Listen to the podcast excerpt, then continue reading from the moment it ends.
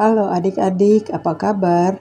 Tante harap adik-adik selalu dalam keadaan sehat dan bersyukur dalam Tuhan.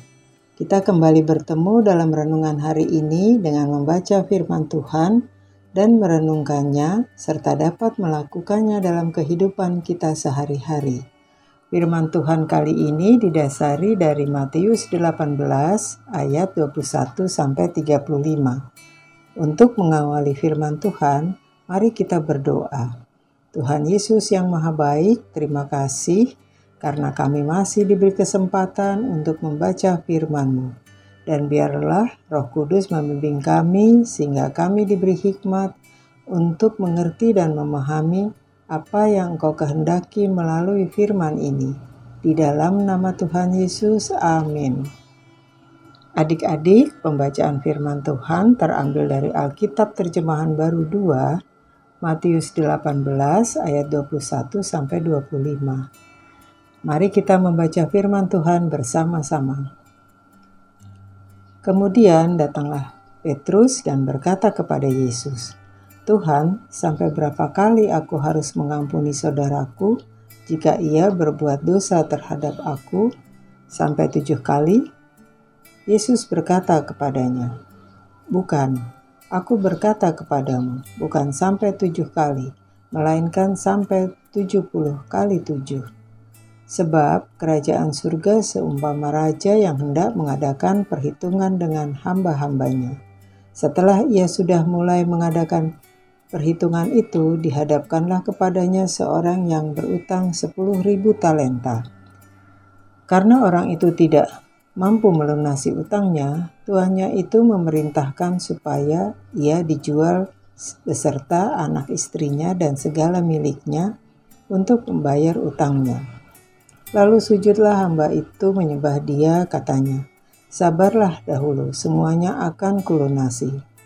Tergeraklah hati tuannya oleh belas kasihan, sehingga ia membebaskannya dan menghapus utangnya. Ketika hamba itu keluar, ia bertemu dengan seorang hamba lain yang berutang seratus dinar kepadanya. Ia menangkap dan mencekiknya, katanya, bayar utangmu. Sujudlah kawannya itu dan memohon kepadanya, sabarlah dahulu, utangku itu akan kulunasi. Namun ia menolak, lalu pergi dan menyerahkan kawannya itu ke dalam penjara sampai ia melunasi utangnya. Melihat itu, hamba-hamba yang lain sangat sedih, lalu menyampaikan segala yang terjadi kepada tuan mereka. Kemudian tuan itu menyuruh memanggil orang itu dan berkata kepadanya, "Hai hamba yang jahat, seluruh utangmu telah kuhapuskan karena engkau memohon kepadaku. Bukankah engkau pun harus mengasihani kawanmu seperti aku telah mengasihi engkau?" Tuan itu pun marah dan menyerahkannya kepada Algojo-Algojo sampai ia melunasi seluruh utangnya. Demikian juga yang akan diperbuat oleh Bapakku yang di surga terhadap kamu. Apabila kamu masing-masing tidak mengampuni saudaramu dengan segenap hatimu. Fokus ayat kita hari ini Matius 18 ayat 23. Sebab kerajaan surga seumpama seorang raja yang hendak mengadakan perhitungan dengan hamba-hambanya. Adik-adik, tema renungan kita hari ini 70 kali 7. Pada suatu hari, Petrus bertanya kepada Yesus, sampai berapa kali ia harus mengampuni saudaranya bila saudaranya berbuat salah padanya. Petrus menebak jawaban atas pertanyaannya sendiri yaitu ia bisa mengampuni sampai tujuh kali. Kira-kira kalau adik-adik mengampuni orang lain sampai berapa kali? Nah, supaya penjelasan Tuhan Yesus lebih dimengerti banyak orang, maka Tuhan Yesus memberikan sebuah perumpamaan. Perumpamaan itu seperti contoh atau cerita. Adik-adik juga senang dan lebih mengerti bukan bila diberi contoh atau pelajaran yang berupa cerita Tuhan Yesus bercerita bahwa ada seorang raja yang membebaskan seorang hambanya yang berutang 10.000 talenta. Wah, itu adalah jumlah yang sangat banyak. Tentu hamba itu senang luar biasa atas dihapusnya seluruh hutangnya. Tapi saat itu keluar dari istana, ia bertemu dengan kawannya. Kebetulan kawannya itu memiliki hutang kepadanya sebesar 100 dinar. Dan ia menagih hutang kawannya itu.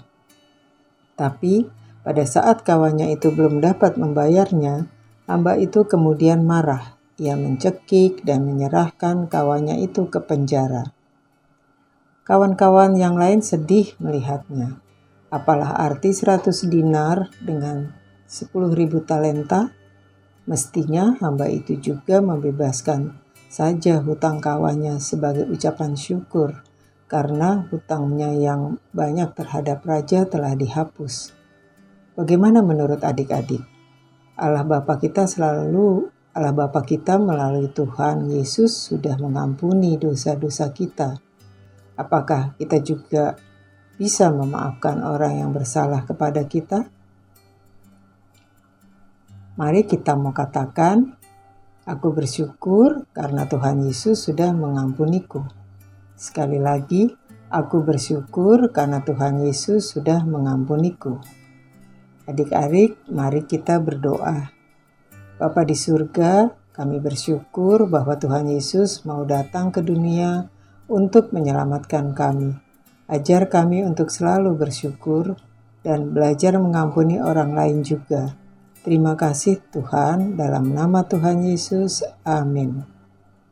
Adik-adik, kita juga harus bisa mengampuni orang lain seperti yang diteladankan Tuhan Yesus, ya. Kita akhiri renungan hari ini. Sampai jumpa adik-adik. Tuhan Yesus memberkati.